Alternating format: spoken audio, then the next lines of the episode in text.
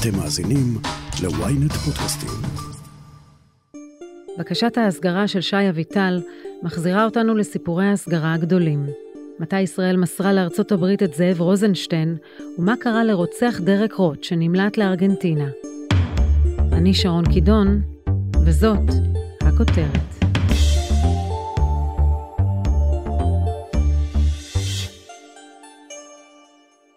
עוד מעט נהיה עם שרת הפנים איילת שקד ועם כתבתנו הפוליטית מנועה אזולאי, שכבר נמצאות כאן אצלנו באולפן, אבל לפני כן עדכונים על שי אביטל, שנעצר באמסטרדם במהלך סוף השבוע. עכשיו מתחיל הליך ההסגרה לירן לוי, שליחנו. כשסוכן הדוגמניות שי אביטל יצא מהארץ לפני פרסום התחקירים עליו, לא בטוח שהוא תכנן את המשך האירועים, ודאי לא מעצר בינלאומי מתוקשר.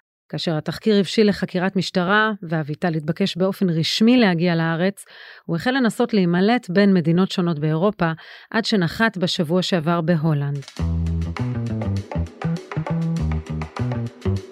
לירן לוי כתב פלילים מידיעות אחרונות וויינט, שנמצא כרגע באמסטרדם. קח אותנו לרגעי המעצר. הוא מגיע בשבוע שעבר אה, לכאן, לאמסטרדם, אה, ככה אולי קצת זחוח אפילו, ומרגיש שכבר אה, אף אחד אולי לא מחפש אותו, והוא למעשה מתעלם מזה שמי שקצת אה, מכיר ומבין יודע שיש שיתוף פעולה מדהים בין אה, משטרת הולנד למשטרת אה, ישראל, ולמרות זאת הוא אה, מגיע לכאן, וכאן אה, מקבלת משטרת ישראל מידע מודיעיני שהוא נמצא כאן באמסטרדם, ומיד מזעיקים את אה, סגן ניצב יעל רייכרד, שהיא למעשה נציגת המשטרה כאן בהולנד, היא מגיעה לאותה מסעדה שבו אה, שי אביטל נמצא ביום חמישי באזור השעה עשר וחצי בלילה, היא אה, מגיעה עם צוות של שניים, אה, שלושה שוטרים מקומיים הולנדים, הם מתצפתים עליו כשהוא יושב במסעדה, מאפשרים לו שם לסיים את הסעודה, הוא יוצא משם, הולך משהו כמו 150-200 מטר ברגל, ואז ניגשת אליו יעל, סגן ניצב יעל רייכרד, קוראת לעברו שי, הוא אה, שומע, קול של אישה קורא לעברו, מסתובב, אומר לה כן,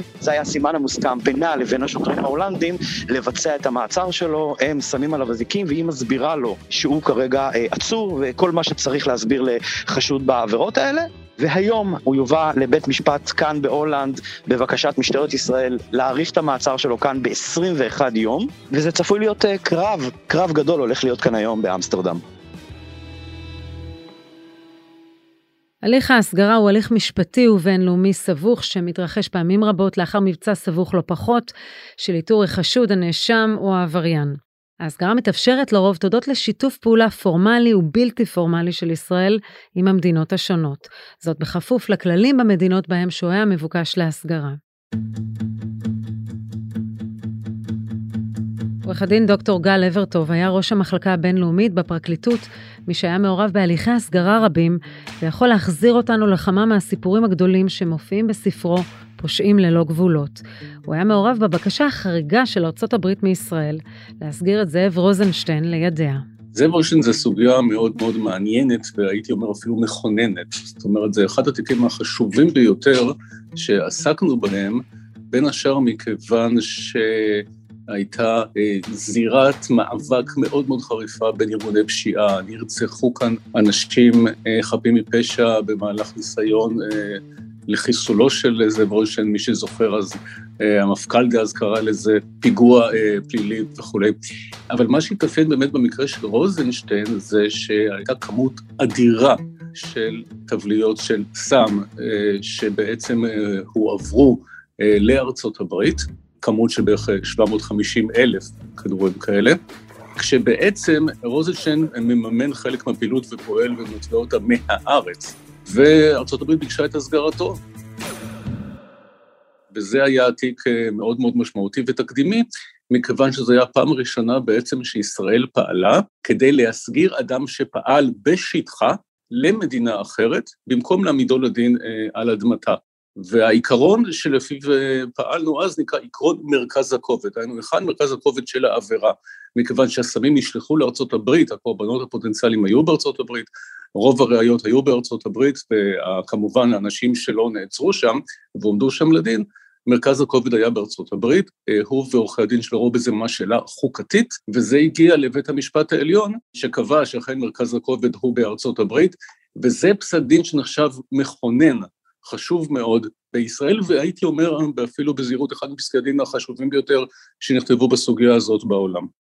צריך להבין, רוזנשטיין הוסגר, הוא עשה שם עסקת טיעון, נדון ל-12 שנות מאסר, וצריך להבין שכל מי שהיה בזמן ביצוע העבירה אזרח ותושב ישראל, זכאי אם הוא ירצה בכך לרצות את עונשו בישראל. וכן רוזנשטיין לבחירתו חוזר ומרצה את עונש המאסר שלו בארץ. À un criminel d'habitude, et en l'espèce, à un criminel de la route. בוא נחזור לאירוע הקשה ביותר בו ליזה איתוני נדרסה למוות והופקרה על ידי שני אזרחים צרפתיים שבורחים לצרפת. איך זה שישראל לא הצליחה להביאם למשפט בישראל? הפרשה הזאת מדובר בעצם בשני אה, יהודים שהיו פה בארץ, אזרחים צרפתיים, הם פוגעים בה באישון לילה, סביבות אה, דרך נמיר, אה, פנקס בתל אביב, ועוד באותו לילה הם והמשפחות עולים על המטוס ונמלטים לצרפת.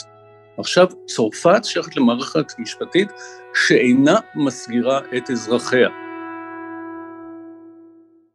העובדה שהשניים נשפטו בצרפת אינה מונעת ממדינת ישראל למלא את חובתה, הואיל והעבירה בוצעה בישראל.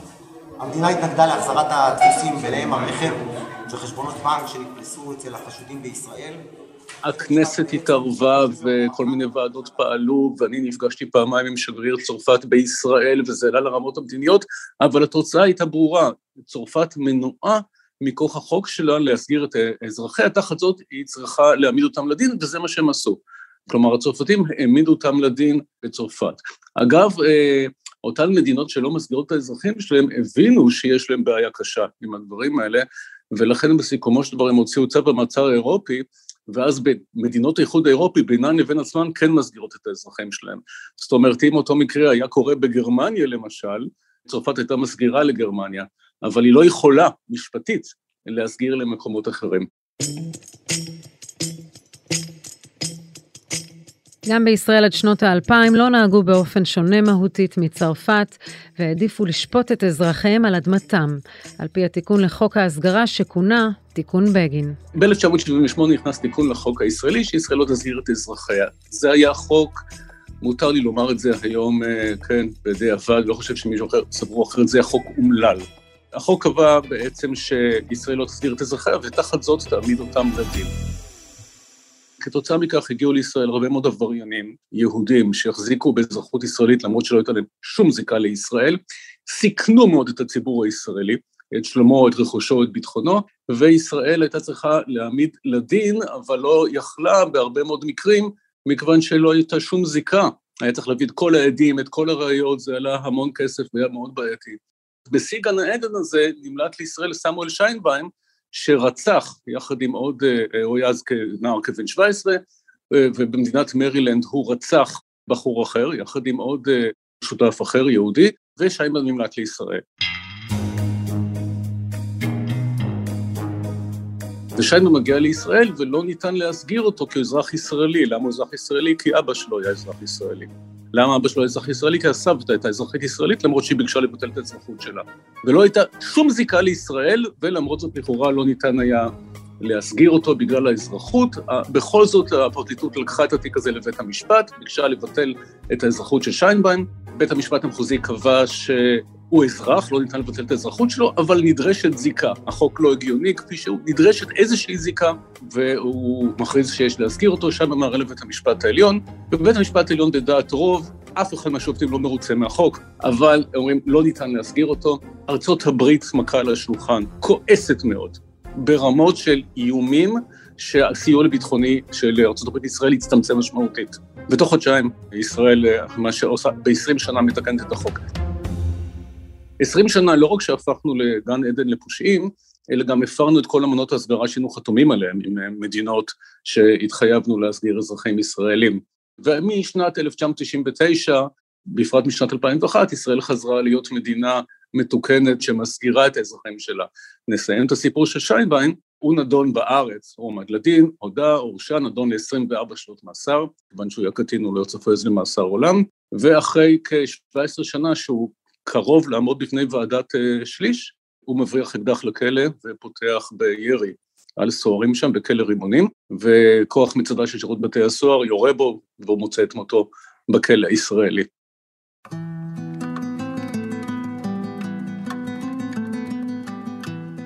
מדוע ארגנטינה הסכימה להסגיר את רוצחו של נהג המונית דרק רוט, ומה הסיכויים של שי אביטל להיות מוסגר לישראל. הודעה קצרה, ומיד נמשיך עם הכותרת. מי עומד בראש? ומי משתף פעולה עם מי? משטרת ישראל חושפת... סקרנים? מצוין. ynet פלוס החדש, עם הסיפורים המעניינים ביותר של מיטב הכותבים. החודש הראשון בחמישה שקלים ותשעים בלבד. ynet פלוס. האמת? מעניין. למצטרפים חדשים כפוף לתנאי השימוש.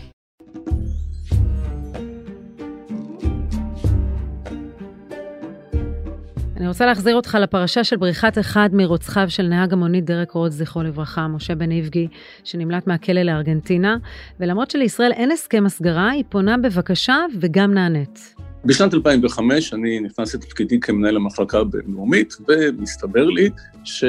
עבריינים ישראלים נמלטים למדינות דרום אמריקה, אין לנו שם אמנות הסגרה עם אותן מדינות, וכתוצאה מכך יש מושבה ענקית של עבריינים נמלטים שם. ואנחנו אמרנו, לא יהיו ערי מקלט, אנחנו פשוט אה, עשינו הסכמי אד הוק. הסכם אד הוק, זאת אומרת, הסכם לגופו של עניין. עכשיו, מה קרה עם בן איבגי? זה סיפור קשה, מרתק, מורכב מאוד. בן איבגי ושותפו, אלוני, אני רק מזכיר, בגיל 14 וחצי, רצחו את נהג המונית דריק רוט ללא שום סיבה. הם נדונו ל-16 שנות מאסר, ושלחו אותם לכלא כשהם יושבים באותו תא ביחד. וגם יוצאים לחופשות ביחד. באחת החופשות האלה הם גם מבצעים עבירה של שוד מזוין. ואז הם נידונים לשש שנות מאסר נוספות. ואז לאחר מכן בן איבגי מבקש לצאת לחופשות, שב"ס מתנגדים, הם אומרים, אנחנו יודעים מה אתה עושה בחופשות, אבל הוא מגיש עתירת אסירים, ובית המשפט המחוזי מאשר לו לצאת לחופשה. מהחופשה הראשונה הוא אכן חוזר לכלא, החופשה השנייה הוא כבר לא חוזר, באמצעות דרכון מזויף, שחברים מהכלא דאגו לו. הוא מגיע לנמל התעופה בן גוריון, טס משם למדריד, וממדריד לארגנטינה. בארגנטינה הוא נעצר עם עבריינים ישראלים אחרים ועם אה, אה, דרכונים מזויפים ונשק וכולי, ונדון שם לתקופת מאסר נוספת, ואז מתחילים הליכי הסגרה מאוד מורכבים, מאוד קשים. אין אמנת הסגרה, מכוח הסכם אד אה, הוק, ישראל מפגשת את הסגרתו הן לריצוי העונש על הרצח, הן לריצוי העונש על השוד, והן על עבירת ההימלטות. ובית המשפט המחוזי בוונוס איירס דוחה את בקשת ההסגרה על הרצח, כי הוא אומר שגיל האחריות הפלילית בארגנטינה הוא 16, ולכן לא ניתן להעמיד אותו לדין בארגנטינה על העבירה הזאת, וגם לא ניתן להסגיר אותו. אנחנו מערערים לבית המשפט העליון, בן איבגי מצדו גם, גם הוא מערער לבית המשפט העליון בארגנטינה, כי הוא גם לא רוצה לרצות את העונש על השוד, ובין לבין הוא נמלט שוב, ולוקח הרבה זמן עד שמוציאים אותו במחוז מנדוזה, בכלל במחוז אחר בארגנטינה, כשהוא אה, מחופש, נראה ממש כמו איזה מעצב פנים, אה, לא דומה למה שהיה. הנציגים שלנו באמריקה הלטינית, אין אה, יוסי קליין והנציג הקודם, אומרים בואו בוא, תשלחו לנו טביעות אצבעות, וטביעות האצבעות מראות במי מדובר, והוא נעצר שוב, ובסיכומו של דבר הוא מוסגר. זה מאוד מעניין כי הוא מוסגר על עבירת השוד, וגם על עבירת השוד הוא לא רוצה לרצות את עונש המאסר שלו, הוא טוען שצריך לנקות את כל תקופת המעצר שלו בארגנטינה. אנחנו כמובן התנגדנו, כי בתקופה הזאת הוא גם ישב במאסר על עבירות שהוא ריצה בארגנטינה. בסיכומו של דבר, בית המשפט המחוזי נעתר לבקשתו, בית המשפט העליון הופך את ההחלטה, בן איבגי יושב את עונש המאסר על השוד, ולאחר מכן עוזב את הארץ. כלומר, כמו שאתם רואים, כל הנושא הזה של ההסגרה, הוא מזמן לא רק אתגרים מבצעיים למצוא את בני האדם אה, שנמלטים, אלא גם הרבה מאוד אתגרים משפטיים, כשלכל מדינה יש את ההסדרים שלה ואת התנאים והסייגים שלה להסגרה, וצריך להתגבר עליהם מול כל מדינה על פני הגלובוס. זה מחייב הרבה מאוד עבודה קשה. וזה מביא אותנו לבקש את הפרשנות שלך, כמי שהוא עתיר ניסיון ומומחיות. איך אתה מעריך את סיכויי המדינה בפרשת שי אביטל? פרשת שי אביטל, קודם כל צריך להבין שישראל חיכתה עד שבעצם התגבשו ראיות. הייתה הרבה מאוד ביקורת למה הוא מסתובב כל כך הרבה זמן, שנה בחו"ל ונמלט וכולי, בלי ששמים עליו את היד. אין מעצר לצורך חקירה. ניתן לבקש הסגרה אך ורק לצורך העמדה לדין או ריצוי עונש, ולכן היה צריך לחכות עד שהפרקליטות תאשר שיש בידי הראיות להגיש נגדו כתב אישום. זה המצב נכון להיום. להערכתי, זה לא צריך להיות ארוך מדי. הוא יכול להתנגד, וזכותו כמובן להתנגד להליכי ההסגרה, אבל אני חייב להדגיש, הליכי הסגרה לא קובעים אשמה או חפות. הליכי הסגרה רק בוחנים אם יש הצדקה להסגיר את אותו אדם לישראל. מכיוון שאני שומע כל הזמן מעורכי הדין שלו את הטענה שהוא ייאבק על חפותו, ומטרתו היא להיאבק ולהוכיח את חפותו, המקום שלו, ואני מדגיש, המקום שלו לעשות את זה, זה כאן בישראל, לא בהולנד. ואם הוא נאבק נגד הליכי הסגרה בהולנד, כנראה שהוא לא כל כך רוצה להיאבק על חפותו, הוא רוצה למנוע את ההליך המשפטי על חפותו. כך זה נראה. ומהיכרות עם ההולנדים, עד כמה הם יהיו קשובים? אני סבור שסיכויי הבקשה הם טובים מאוד.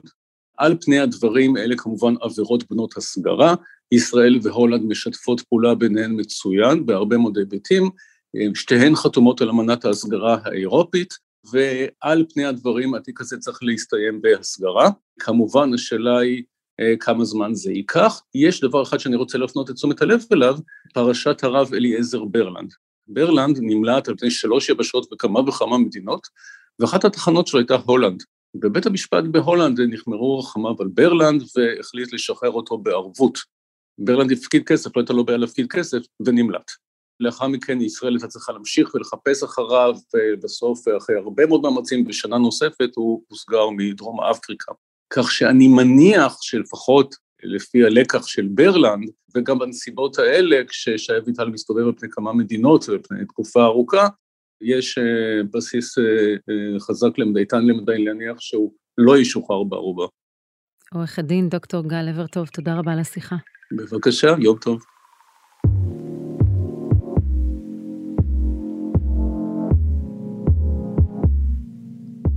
בחזרה אליך, לירן לוי, מה צפוי היום לשי אביטל?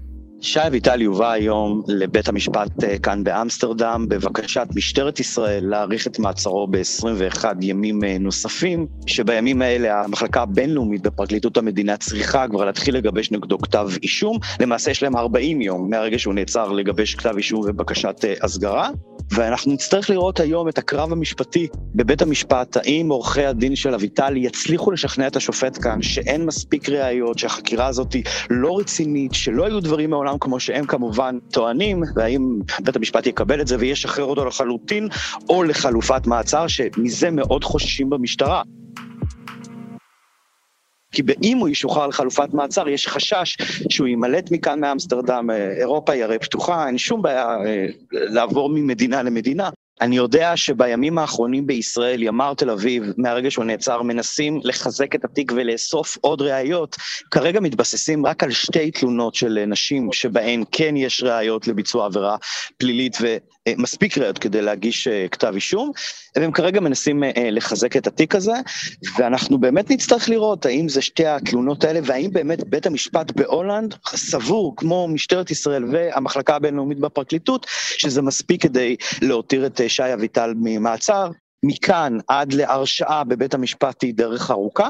כן, אבל צריך אה, לציין שברגע שיש שיתוף פעולה חובק עולם מול אה, בית משפט כאן בהולנד ובכלל מול האינטרפול ומדינות אחרות, אז ככל הנראה באמת למשטרה יש כאן אה, ראיות לכאורה כדי לבסס כתב אישום, אבל שוב, זה דברים שאנחנו נצטרך לראות אותם, כי הגישות אה, לעבירות פליליות עשויות להיות שונות ממדינה למדינה, וכאמור, אה, הסגרה שלו והגשת כתב אישום לא מבטיחה שום דבר להמשך הדרך. לירן לוי, תודה רבה על העדכון. תודה, שרון.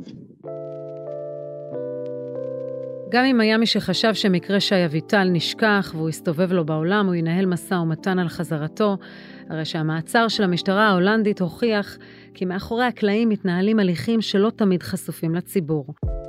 כדי להפעיל מהלך הסגרה דרושים לא מעט תנאים שהתקיימו ושעת כושר, וזה לוקח זמן. בניגוד למה שהיה נהוג בעבר, בישראל מבינים עד כמה שיתוף הפעולה עם מדינות אחרות הוא קריטי למיגור הפשיעה הגלובלית. נראה שלעבריינים כיום ישנן פחות ופחות ערי מקלט.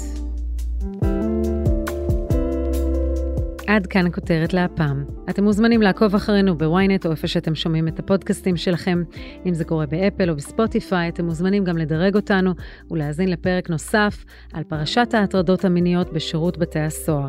חפשו את הפרק "כך חשפתי את פרשת הסרסור בסוהרות".